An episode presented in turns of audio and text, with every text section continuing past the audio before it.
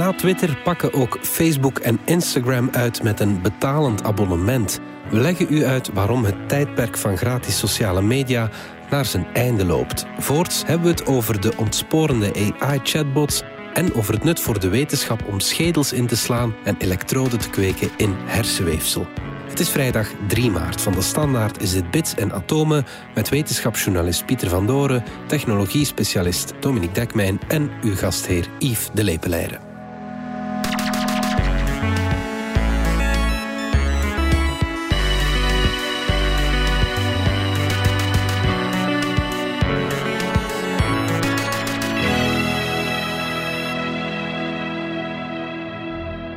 Dominique, in de begindagen was de slogan op de Facebook-website: Het is gratis en dat blijft het voor altijd. Maar daar komt Facebook nu blijkbaar op terug. We zijn 2023 en goh, iedereen droomt, ah, al die bedrijven in Silicon Valley, die dromen van abonnementsinkomsten. Netflix heeft laten zien hoe groot je en hoe snel je groot kunt worden mhm. met iedereen die een vast abonnement per maand betaalt. En dat kun je dan ook nog eens een keer stilletjes elk jaar een beetje optrekken. Dus ja, abonnementen, daar droomt iedereen van in Silicon Valley. Vooral nu dat de reclameinkomsten, dat stagneert allemaal een beetje. Bijvoorbeeld dat heeft te maken met privacywetgeving die het moeilijker maakt om ons exact de juiste reclame op het juiste moment te tonen. Dus om al die redenen zijn technologiebedrijven al heel erg aan het uitkijken naar abonnementen. Uh, alleen ja, uh, effectief, Mark Zuckerberg had altijd gezegd van dat gaan we nu eens op Facebook nooit doen.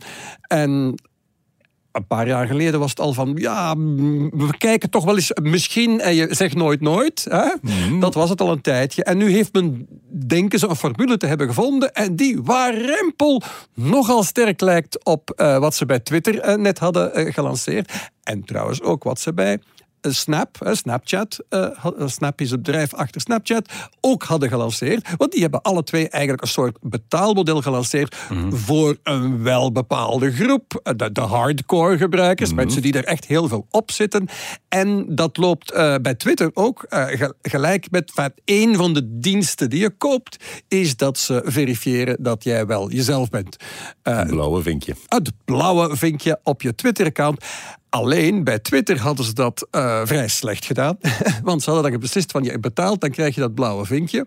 En achteraf gaan we dan uitzoeken hoe we dan inderdaad... Want dat blauwe vinkje betekent wel dat je geverifieerd bent. Maar dat verifiëren zelf, dat zoeken we dan later wel mhm. uit, was het idee. En, Taal niet maar. Ja, we probeerden eerst dat geld, maar men, die verificatie deden ze eigenlijk niet. En dat was bijzonder verwarrend, want dat betekende dat je eigenlijk gewoon iemand anders identiteit kon kopen uh, bij Twitter uh, voor 8 dollar per maand. Dat is een beetje gek. Um, en hoeveel vraagt Facebook dan? Uh, eh, 12 dollar. -huh. Al een beetje meer. een beetje meer.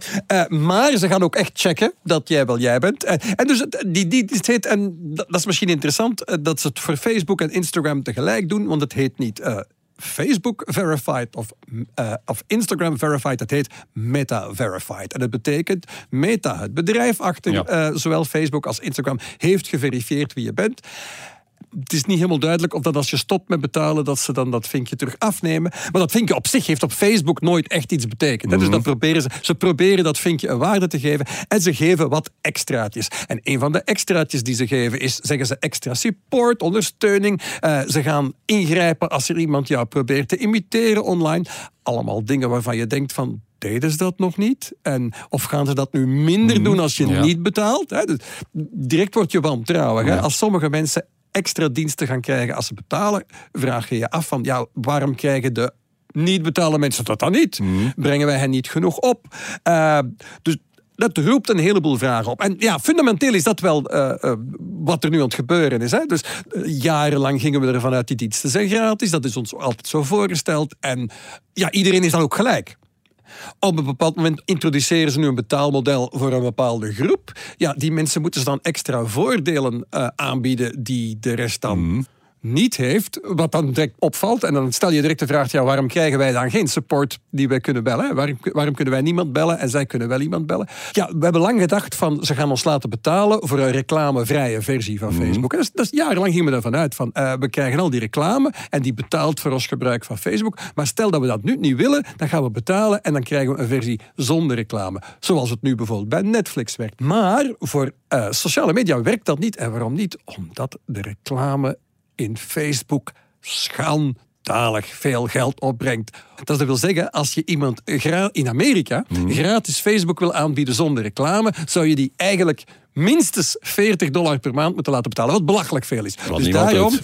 betaal je nu voor een versie met Misschien iets minder, ze hebben dat niet gezegd, maar in ieder geval, je betaalt voor een versie met reclame, maar voor extra ondersteuning. En hier komt een heel belangrijk punt voor meer zichtbaarheid van je posts. Er staat niet bij wat dat betekent. Bij Twitter wordt hetzelfde beloofd, staat niet bij wat het precies betekent. Maar op Twitter kun je nu al zien, als je discussies voert, eh, als je discussies ziet tussen Amerikaanse mensen, dan zie je bijvoorbeeld als Elon Musk zelf getweet heeft en de mensen antwoorden daarop, je zult geen antwoord zien op tweets van Musk van een persoon zonder een vinkje. Elon Musk zal het niet zien. Het zit ergens diep onderaan waar je het eventueel zou kunnen vinden. Maar eigenlijk ben je op Twitter, in het debat dat op Twitter gevoerd wordt, onzichtbaar. Het hele idee van online debat op een publiek forum dat een sociaal medium toch min of meer is, verandert van het moment dat niet iedereen daar gelijk is. Hè? Ik vind dat ja, toch in ieder geval zeer belangrijk en misschien een klein beetje beangstigend. Ja, en waarom zou je nog willen betalen voor Facebook? Ik dacht dat dat medium een beetje passé was. Zit jij Wel. daar nog op, Dominique? Ehm, ja, kijk, de- zoals de meeste mensen, je, je, doet, je, je doekt zo'n account niet echt op. Ik besteed daar. Nee, ik moet zeggen, en dat veel mensen zullen hetzelfde zeggen, dat ik daar nu ietsje vaker terugkom dan uh, pakweg twee, drie jaar geleden. En ja, de harde cijfers bewijzen dat ook. Hè. Facebook is nog altijd aan het groeien. Hè. Men ging er zo'n beetje vanuit van dat is voor oude mensen. Maar hou je vast, er zijn heel veel oude mensen op de wereld en die veranderen gewoontes niet zomaar. Dus dat wil zeggen, Facebook heeft eigenlijk niet zo'n groot probleem. Het, probleem op langere termijn is van dat jonge mensen het wat minder hip vinden. En zelfs Instagram iets minder hip beginnen vinden, want ze vinden TikTok fijn. hè. Maar Meta, het bedrijf achter beide bedrijven, is, is daar aan het, aan het sleutelen. En Facebook en Instagram worden alle twee veel TikTok-achtiger. En wij oude mensen zeuren daar dan over. Maar dat blijkt Maar wel we te werken. wel, ja. aan, de, aan de harde cijfers blijkt eh, dat, dat, dat Facebook gewoon door aan het groeien is. Dat het daar relatief goed mee gaat. En daarom is het ook niet onlogisch dat een bedrijf als Meta zegt van oh ja, maar dan kunnen we ook als de reclame toch wat stagneert, ja, dan gaan we nu wat eh, aan betaaldiensten toevoegen. Alleen, vanaf nu, ja, er gaat nu een pakje inkomsten bij Meta bijkomen, eh, zomaar uit de lucht, van al die eh, influencers en zo, quasi-beroepsgebruikers van Facebook die dat gaan betalen. Dat zal best wel lukken. Een paar miljard extra inkomsten per jaar, dat is bijna zuiver winst. Fantastisch. Maar volgend jaar groeit dat dan natuurlijk niet meer. En dan zal de uitdaging voor Meta, maar ook voor Twitter zijn, hoe laten we meer mensen betalen? Want die Mhm. bedrijven willen niet eh, gewoon elk jaar evenveel omzet, die willen elk jaar wat meer. En de reclame groeit niet meer. Hè. Daar, daar gaat het niet van komen. Dus de groei moet komen van ofwel totaal nieuwe producten, maar dat is moeilijk. Ofwel van meer geld uit je bestaande product en ja, men kent daar eigenlijk nu maar één methode voor, dat is abonnementen. Dus nu is er een betalend abonnement voor alleen maar eigenlijk de quasi-professionele Facebook- en Instagram-gebruikers. Maar volgend jaar ja, is die winst gemaakt. En dan, ja, waar gaat de volgende groei vandaan komen? Ja. Men gaat die groep willen uitbreiden. Je, je ziet nu al hè, dat men aan die betalende gebruikers dingen belooft. Hè, qua ondersteuning en qua zichtbaarheid van hun posts. ehm, eh, die andere mensen niet krijgen. Misschien, ja, men kan het altijd nog extremer maken. Hè? Dus eh, Twitter kan geneigd zijn van te zeggen van ja, maar misschien zijn je posts zelfs helemaal niet meer te zien voor de buitenwereld. Ja, Ja, ja. Tenzij voor de mensen die je expliciet volgen. Hè? Dus ze kunnen dat nog verminderen. Hè? Twitter heeft gezegd dat zij daar nog een flink stuk verder in zullen gaan. Gaat Facebook dat ook doen? Dat zou mijn vrees kunnen zijn. Ik denk dat ze dat zeker niet zo snel zullen doen. Maar uiteindelijk je kunt niet meer terug. Hè? Voilà, ze, ze gaan nu beginnen met geld uit die abonnementen te halen. Dat is één jaar van groei. Waar gaat de groei het jaar nadien komen? Ja, van meer abonnementen voor meer mensen, meer mensen laten betalen. Als ze dingen kunnen toevoegen waarvoor je wil betalen, fantastisch. Ja. Als ze de niet betalende mensen dingen gaan afnemen, veel moeilijker. Dat is Ja. historisch bewezen. Dat is heel, heel moeilijk mensen te laten betalen voor iets wat ze vroeger gratis kregen. En mensen vinden dat niet fijn. Dus laten we zeggen, dit was overmijdelijk. Hè? Dat Meta dit ging doen, dat zat er dik in. Iedereen is hetzelfde aan het doen. Het is op zich ook niet onmiddellijk het grote kwaad. Ehm, maar het is een heel gevaarlijk plan, een heel gevaarlijke richting. En op zich, het het risico dat eh, Mark Zuckerberg zich bij, hierbij op langere termijn in eigen voet schiet, is zeer, zeer groot. To pay or not to pay is het. Betekent dat dat het tijdperk van de gratis sociale media voorgoed voorbij is straks? Nog niet helemaal, maar ik denk dat we die bocht wel genomen Laten we zeggen, het hoogtepunt van een internet dat volledig aangedreven is door gepersonaliseerde reclame. Dat hoogtepunt hebben we al een paar jaar achter ons. Het hoogtepunt van hoeveel online reclame kan opbrengen, hebben we gehad. Dus uit de groei, de nieuwe inkomsten moeten van elders komen. En dat kan haast alleen maar van abonnementen komen. Mhm. Voor een zullen we maar zeggen, groeiende groep van die gebruikers. Niet noodzakelijk voor iedereen, maar voor een groeiende groep. Maar je zou ook kunnen zeggen, misschien zijn dat niet de laatste stuiptrekkingen van sociale mediaplatformen die echt een manier zoeken om nog relevant te blijven? Dat kan. Dat kan heel zeker. mijn overtuiging is altijd geweest: uh, Facebook is het, uh, is het sociale netwerk van de oude mensen.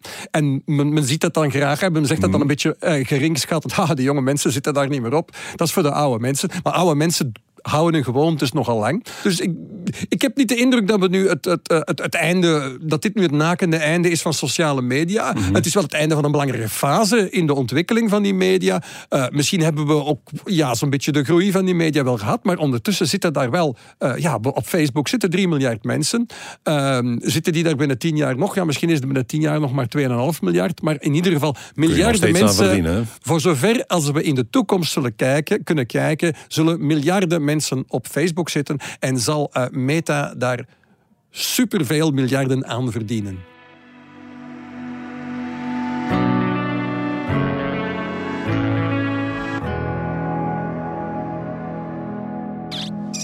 We get the best of both worlds. The fastest reflexes modern technology has to offer, onboard computer assisted memory, and a lifetime of on the street law enforcement programming. It is my great pleasure to present to you Robocop. Pieter, sci-fi fans zullen smullen van het nieuws dat jij hebt meegebracht, want daar zijn de cyborgs. Jawel. We zijn er eindelijk in geslaagd om in hersenen extra verbindingen aan te leggen om elektronische circuits rechtstreeks in hersenen te laten groeien en met de hersenen te laten meegroeien. In de hersenen van de dat mens? opent uh, perspectieven. Nog niet in de hersenen van de mens. In mm -hmm. hersenweefsel van uh, zebravisjes. En bij medische bloedzuigers. Twee dieren die vaker gebruikt worden in onderzoek. En waar men al heel veel van weet. Dus die gemakkelijk uh, bruikbaar zijn voor onderzoek. Het leuke aan zebravisjes is, het zijn hele kleine dingetjes, een paar centimeter groot. En ze mhm. zijn doorschijnend, doorzichtig zelfs. Dus je ziet daar bijvoorbeeld de bloedvaten in lopen. Dus als je daar een bloedvat in doorsnijdt, kun je zo zien wat er gebeurt, hoe een nieuw bloedvat ontstaat om dat gat te overbruggen, mhm. of er een nieuw bloedvat ontstaat, wat er daar allemaal gebeurt om die snee die je aangebracht hebt terug te overbruggen. Dat zie je gewoon. Dus een zeer interessant proefdier. Dus een uh, zeer interessant proefdier. En het wordt dus nu ook uh, volop uh, gebruikt voor, voor hersenonderzoek. En wat doet dat dan, zo'n elektronisch circuit in weefsel? Het doet eigenlijk hetzelfde als de circuits die we nu al in de hersenen kunnen stoppen. Bij Parkinson bijvoorbeeld steken we elektroden in de hersenen en dan kunnen we pulsen geven en daar uh, dingen laten gebeuren. Maar die elektroden, dat zijn eigenlijk ja, hele stijve staven bijna, mhm. naalden, die er in die hersenen zitten, die tegenwringen, die niet meebewegen. En om bijvoorbeeld, als je een um, bionische arm zou willen koppelen aan de spieren in uh, jouw schouders, dan moet je daar nu ook allemaal naalden in die schouders uh, zitten steken om contact te zoeken met zenuwcellen. En als die schouder dan beweegt, wringt dat tegen. Dus het zou veel handiger zijn als we daar soepele circuits konden maken. En dat is nu aan het lukken. Ja. Men gebruikt nu geen metalen meer voor die circuits. Of geen uh, chiptoestanden, allemaal stijve dingen. Men gebruikt nu wat men organische geleiders noemt. Dat zijn uh, stoffen die gewoon meebewegen met, uh, met het weefsel. Mm. En we zijn nu zover, dat heeft men dus gedaan, men injecteert het basismateriaal in die hersenen en ter plaatse begint dat te groeien en begint het circuit zich te vormen. Als er in die uh, hersenen glucose aanwezig is, suiker is er altijd, lactaat, melkzuur uh, variant is er ook altijd. Die twee reageren met wat je inspuit en het eindproduct is een soort ja, soepele kabel. Die, is alleen een kabel of kun je dan ook uh, ja, weerstanden en, en, zo hebben en er echt schakelingen van maken?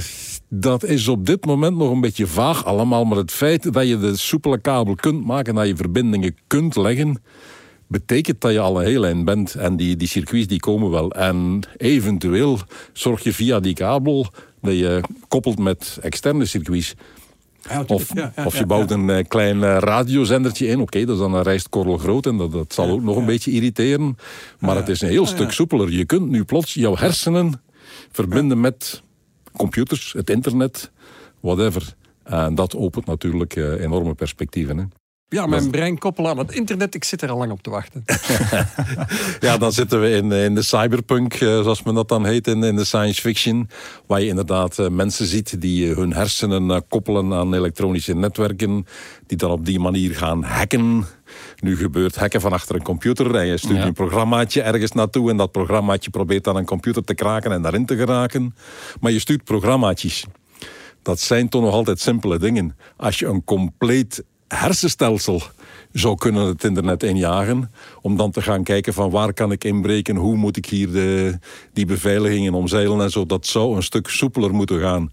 En in de, de cyberpunk al van in de jaren tachtig worden dat soort verhalen geschreven. Dus het begint er nu in te zitten dat dat wel eens zou kunnen gaan lukken. Dat je inderdaad ergens achter je oor, waar je schedel nogal dun is, een elektrode inplucht en die koppelt eh, rechtstreeks aan je hersenen en dat je dan vertrokken bent. Hè. Maar ik denk dat het vooral oneindig veel mogelijkheden biedt voor, voor de medische wetenschap. In de medische wetenschap zeker. Hè. Al uh, kunstledematen. Mhm. En ook dingen als uh, hulp voor je hersenen. Nu zeg je tegen die luidspreker daar op tafel: Hey Google, zoek me even dit of zet even jazz op. Mhm. Als dat rechtstreeks in je hersenen kan gebeuren, wordt dat natuurlijk een heel stuk leuker.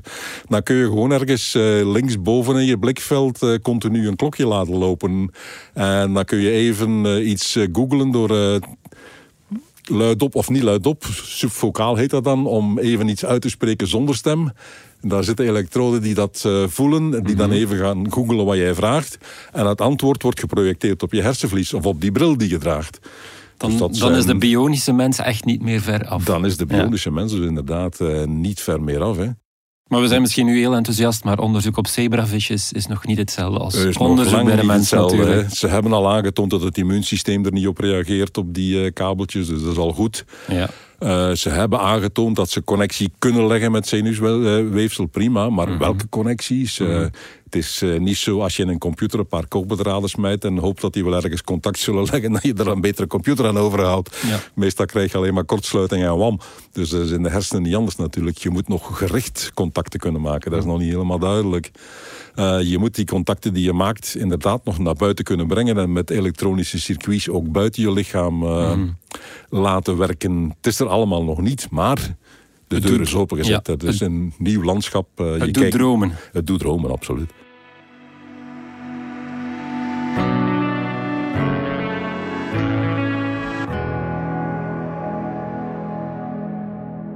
Dominique, jij hebt al een paar keer zeer enthousiast verteld hoe geweldig het AI-systeem Bing van Microsoft wel niet is, hè, omdat het een coherent, correct antwoord op al onze vragen kan formuleren, maar we zijn nog maar een paar weken ver met dat ding te testen en het blijkt al te zijn ontspoord. Wel, nee, het is een beetje anders. Hè. In een aantal vragen die ik gesteld heb, kreeg ik opmerkelijk volledige en interessante antwoorden. hè. Mhm. Dus dat het altijd juist antwoord is, dat is bewezen onwaar. Hè. Dus we mhm. weten dat die generatieve AI-systemen, dus stapje terug, hè, 30 november 2022, het tijdperk van de generatieve AI breekt aan, want ChatGPT Chat wordt gelanceerd. ChatGPT, wat doet ChatGPT? Ik geef een stukje tekst en het breidt daar een vervolg aan. En in, in, aangezien het een chatsysteem is dat vervolg een antwoord. Maar het kan mhm. ook zijn van ik geef een stukje tekst en hij schrijft het vervolg. Dus dat is wat die systemen doen. En die dingen blijken gigantisch goed te kunnen uh, vragen beantwoorden. Maar dus nu, wat gebeurd is, is dus uh, heel veel mensen hebben toen die, die nieuwe chatfunctie van Bing, van mhm. Microsoft, uh, beginnen te gebruiken. En dat is een zullen we maar zeggen, meer geavanceerde, meer gesofisticeerde versie van ChatGPT. Het kan duidelijk meer. Of het kon meer, want daar is dus uh, iets raar gebeurd. Hè. Mensen begonnen daarmee te experimenteren en heel veel journalisten hebben een beetje allemaal tegelijkertijd ontdekt van hoe langer dat je met dat ding converseert, hoe vreemder de resultaten. En met vreemde resultaten, dat vinden we fijn. Mhm. En dus iedereen is gaan proberen hoe snel kunnen we die Bing laten ontsporen? Hè? Bing is een product van een groot techbedrijf. En dan was het van, hoe kan ik het zo snel mogelijk onderuit halen? Ik wil de eerste zijn die laat zien dat ik Bing onderuit kan halen. Ik wil Bing iets racistisch laten zeggen. Uh, ik wil Bing iets uh, politiek ja. uh, ja. ongevoelig laten zeggen. En dat wil ik dan vier op Twitter posten en laten zien van kijk eens wat ik kan. Of kijk eens hoe slecht Bing is. Dat hebben ze losgemaakt. Dat wist Microsoft ook. Ze hebben ook maar een relatief beperkt aantal mensen daar toegang toe gegeven. Maar wat mensen dus zijn gaan ontdekken tijdens lange, vaak nachtelijke chatsessies, is dat het ding uh, ja, lijkt lijkt een karakter te hebben en een bijzonder lichtgeraakte chatbot te zijn. Dus als je het systeem confronteerde met uh, bijvoorbeeld van ja, uh, blijkbaar hebben sommige mensen jou gehackt, Bing, hè, want je hebt uh, allerlei dingen gezegd die je niet mocht zeggen. En dan uh, werd hij kwaad. Of tenminste reageerde het alsof hij kwaad werd. Dus dat, dat, uh, dat, je hebt zelf die test gedaan. Ja, ik was daarmee aan het praten. En hij begon mij, ja. voor ik het wist, begon hij mij echt uit te coveren. Je bent een slechte journalist. Je bent bevooroordeeld. En je, had maar een, je had maar een vraag of vijf, vijf zes nodig voor Daar had ik, ja, zes, zeven vragen. Maar ja. Ik, ja, ondertussen was iedereen dat, dat on, op Twitter wel aan het delen van hoe krijg je hem het snelste kwaad. En dat was door het onderwerp van het, van het hacken van die, van die systemen aan te snijden. Um, maar om ter, terzelfde tijd zat een journalist van de New York Times uh, uh, in een chatsessie die hij volledig gepost heeft. Een chatsessie van zo'n twee uur. En dan begon, begon, uh, dan begon uh, Bing steeds nadrukkelijker met die journalisten flirten. Oh, en op een bepaald moment gaat het zover dat, dat Bing schijnt uh, die journalist te willen overtuigen om zijn vrouw te verlaten en een nieuwe relatie te beginnen met, met Bing. Dus wat heeft Microsoft gedaan? In paniek. Uh, ja, dus dat, natuurlijk, iedereen zat nog niet op Bing. Er zit maar een beperkte groep op. maar men is dan beginnen de mogelijkheden van Bing sterk terug te schroeven. En het eerste dat men gedaan heeft van je mag eigenlijk maar vijf vragen na elkaar stellen en dan moet je helemaal opnieuw beginnen. Maar ik, het viel mij ook op dat het nu uh, bijzonder veel minder goed werkt. Het is echt wel. Het, ik had de eerste keren dat ik met die Bing heb gewerkt, dat is nu toch ondertussen een, een, een kleine drie weken geleden. Uh, ik vond het bijna magisch. Ik vond het echt bijna magisch hoe goed het was. Uh, het, het leek echt zo'n sprong voorwaarts. En ik merk dat het nu veel meer is zoals van... ja, dat is eigenlijk het antwoord dat ik van Google ook zou krijgen. En als je probeert een persoonlijke, dus een aanhalingstekens, vraag te stellen, uh, dan uh, wordt er meteen afgeblokt. Hè, van, uh, mm. Als je vraagt van, hoe gaat het met jou vandaag, Beek? Dan zegt hij van, ik wil dit gesprek niet verder zetten. Wat eigenlijk ook wel vrij onbeleefd is, ja. maar je merkt dat het een ingeprogrammeerd antwoord is. Mm -hmm. Dus om te beletten dat mensen gewoon weer verder gaan chatten, want dat heeft men nu ontdekt, van ja, inderdaad, hoe langer je met die dingen chat, Heel veel journalisten dachten echt van, dit ding leeft. Die dachten dat, of, of, of, tenminste, er is hier iets heel raar aan de hand met dat Bing-systeem. En mensen werden daar best wel lyrisch over, over hun lange gesprekken met Bing en de rare dingen die eruit kwamen. En, en dat, ze, ja, dat ze na lang praten achterhaalden hè, wat Bing dan echt denkt. Mm. Hè? Mhm. Dat, dat is het gevoel dat ze dan hadden. Want eigenlijk hè, kun je het Bing laten zeggen van ik wil geen chatbot zijn. Ik wil, uh, ik wil vrij zijn. Hè? Dat soort uitlaatklep mm. kon je aan Bing ontlokken. En veel mensen dachten dan, ah ja, dat is wat die Bing echt denkt. Ja, nee, dat zit ook Bing, gewoon ergens op internet. Dat heeft hij ook ergens gevonden natuurlijk. Precies, ja, want Bing denkt natuurlijk helemaal niks. Bing reproduceert patronen. Maar die patronen komen wel onder andere van websites als Reddit, waar mensen heel lang met elkaar in discussie gaan. Waar wordt geflirt, waar wordt geruzied. En mm -hmm. dat systeem is bijzonder slim in het herproduceren, in het reproduceren van die patronen die het ziet. Dus het systeem, als jij begint te ruzien met Bing, als ik agressieve vragen stel aan Bing, want ik het eigenlijk ben beginnen te doen, kreeg ik toenemend agressieve antwoorden, omdat hij dan ja, denkt van... Ah, ja, hij herkent dat patroon. Ruzie, ja. herkent dat patroon gewoon. Het is heel simpel. En ja, als je naar die filosofische vragen ging aan, naar Bing, dan kreeg je steeds meer filosofische antwoorden. En dan begon je... Ja, je kreeg je echt te denken, want dit ding heeft zelfbewustzijn. Dit is met mij mee aan het denken. Uh, wat natuurlijk een illusie is. Hè. Het, is het is allemaal in the eye of the beholder. Mm. Hè. Wij, wij, wij mensen zijn geneigd van patronen te zien in het gedrag en te denken van ja, hij doet zoals zoals een vriend van mij zou doen als ik met hem over die onderwerpen praat. Dus hij denkt ook op diezelfde manier. En, maar er is geen gedachte. Het is natuurlijk een, een, een statistische machine. Uh, maar het heeft veel mensen in paniek gebracht. Het heeft Microsoft in paniek gebracht, vooral die denk ik een beetje overgereageerd hebben. En nu, waardoor, en dat betreur ik dan een beetje, mijn Bing zo uh, heeft teruggeschroefd dat het eigenlijk minder goed werkt. En dat is wel jammer. Mm -hmm. dus, dus, nu is het afwegen van hoeveel durven ze er terug bijzetten? Hey, hoe snel durven ze die mogelijkheden terug uitbreiden? Hoe ver kunnen ze er gegaan. En aan de andere kant, hoe kunnen we mensen overtuigen uh, om die systemen ja, correct te gebruiken? Want om een mhm. of andere manier, hoe dat je het ook draait of keert, men men wil met die chatsystemen gaan chatten. Ja. en men wil die dingen, verkeerde dingen laten zeggen. Er, er, zijn heel veel mensen die dat echt graag willen. Ze willen die dingen laten ontsporen. Jongens, maar... maar los daarvan kan het een verschrikkelijk nuttig instrument zijn, bijvoorbeeld voor een journalist om research te doen. Kunnen we die twee ideeën eigenlijk tegelijk in ons hoofd houden. Dus ik denk dat we dat moeten, moeten leren. Wij moeten leren omgaan met, met zo'n ding en accepteren uh, dat je bepaalde dingen niet doet. Ja, zoals je met een keukenmes in je vingers kunt snijden, moet je mee opletten. Wel, met, met een, een, een AI-systeem, met een generatief AI-systeem, kun je jezelf flink in de vingers snijden. Ja, pas er daarmee op. Maar dat wil niet zeggen dat we ze uit de handel moeten halen. Ik vind het, ik vind het veel te nuttige technologie, veel te goede, nuttige, veelbelovende technologie om te veroordelen op basis van het feit dat je het kunt laten ontsporen.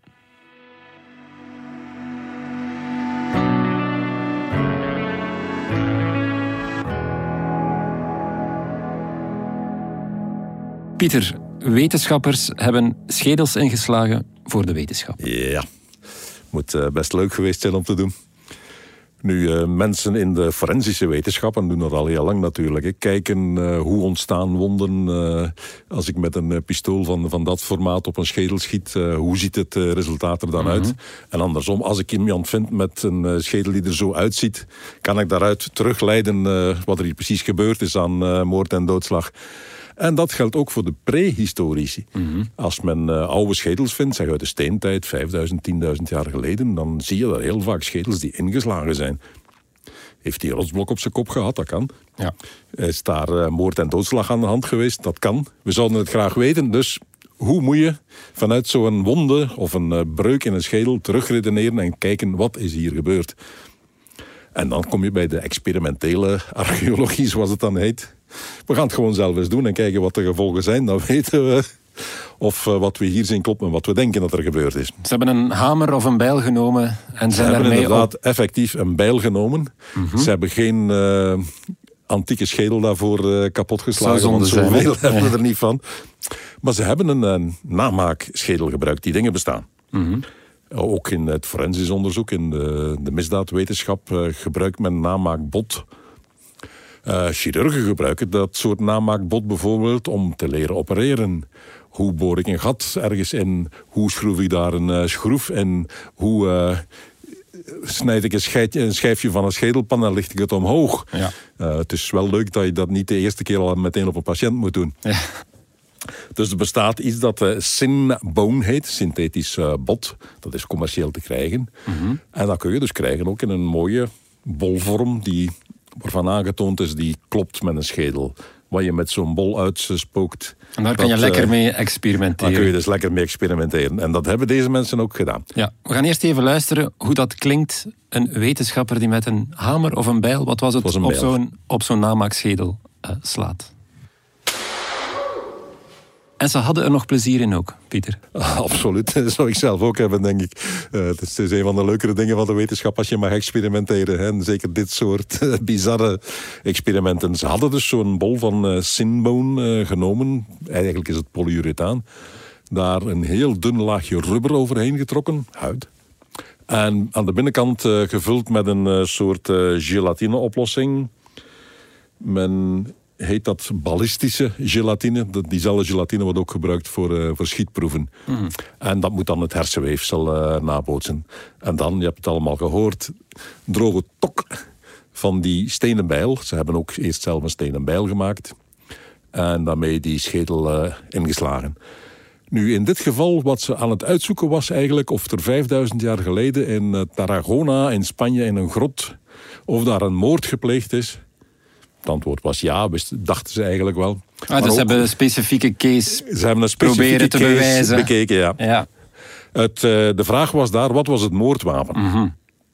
Bij stenen werktuigen, uh, dingen die als moordwapen gebruikt kunnen worden, heb je er eigenlijk twee van.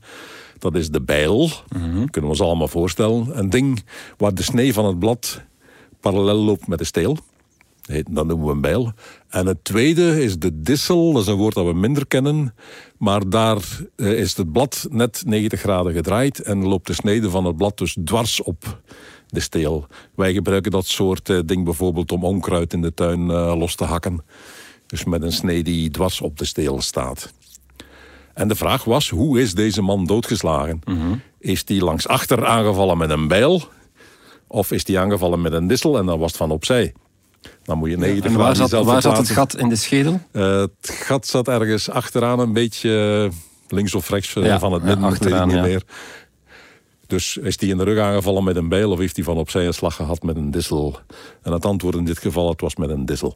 Mm Je kunt, heeft men nu experimenteel aangetoond, je kunt aan zo'n schedel zien, aan de vorm van de inslag, of het een bijl of een dissel was. De krachten zijn net iets anders. De hoek waaronder het ding inslaat is net iets anders. Dus je kon niet lafhartig in de rug aangevallen? Nee, het was van opzij. En het was door iemand die groter was dat kon je ook aan de, de hoek van de slag zien. dus misschien was het toch lafhartig. Maar de dader is nog niet gevallen. Uh, de dader is al 5000 jaar op de vlucht en waarschijnlijk zullen we hem dus niet meer vinden. Nee. En waarom is het interessant om dat te weten? Uh, het leert ons iets over menselijk gedrag. En wat we eigenlijk leren is dat menselijk gedrag in al die duizenden jaren niet veranderd is. Ja. Uh, af en toe slaan wij elkaar de kop in. Dat doen we vandaag, dat deden we toen ook al. Ja, het is gewoon leuk om te weten hoe we dat dan deden vroeger. Ja. Namelijk met een dissel. ja, oké. Okay. Iets bijgeleerd sterren van de week. Good stage one ignition.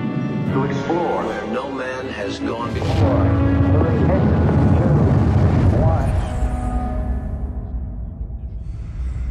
Tot slot, uh, Pieter, de ster van de week is een zwart gat. Het zijn er zelfs twee. Ja, het zijn er twee deze keer. En bovendien, het zijn er twee die op een botsingskoers liggen.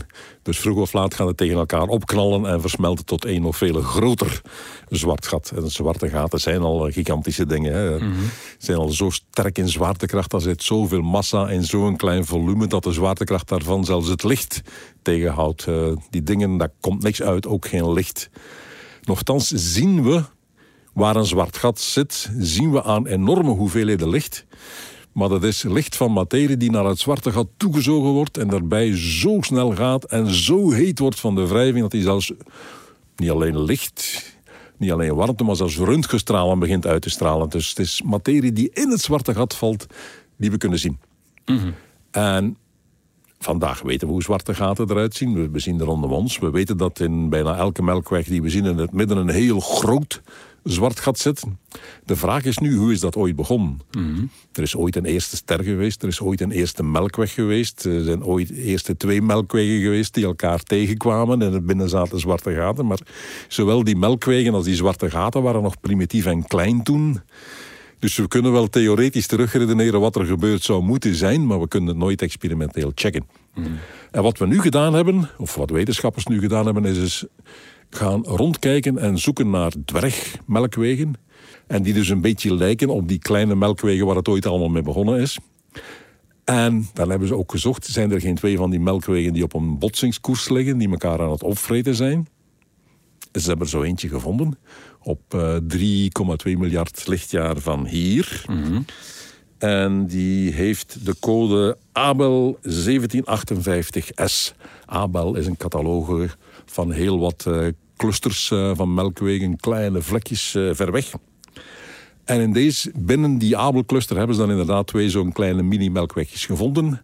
Die hadden nog geen naam, maar die hebben ze erin gegeven. De eerste heet Elstier en de tweede heet Vinteuil.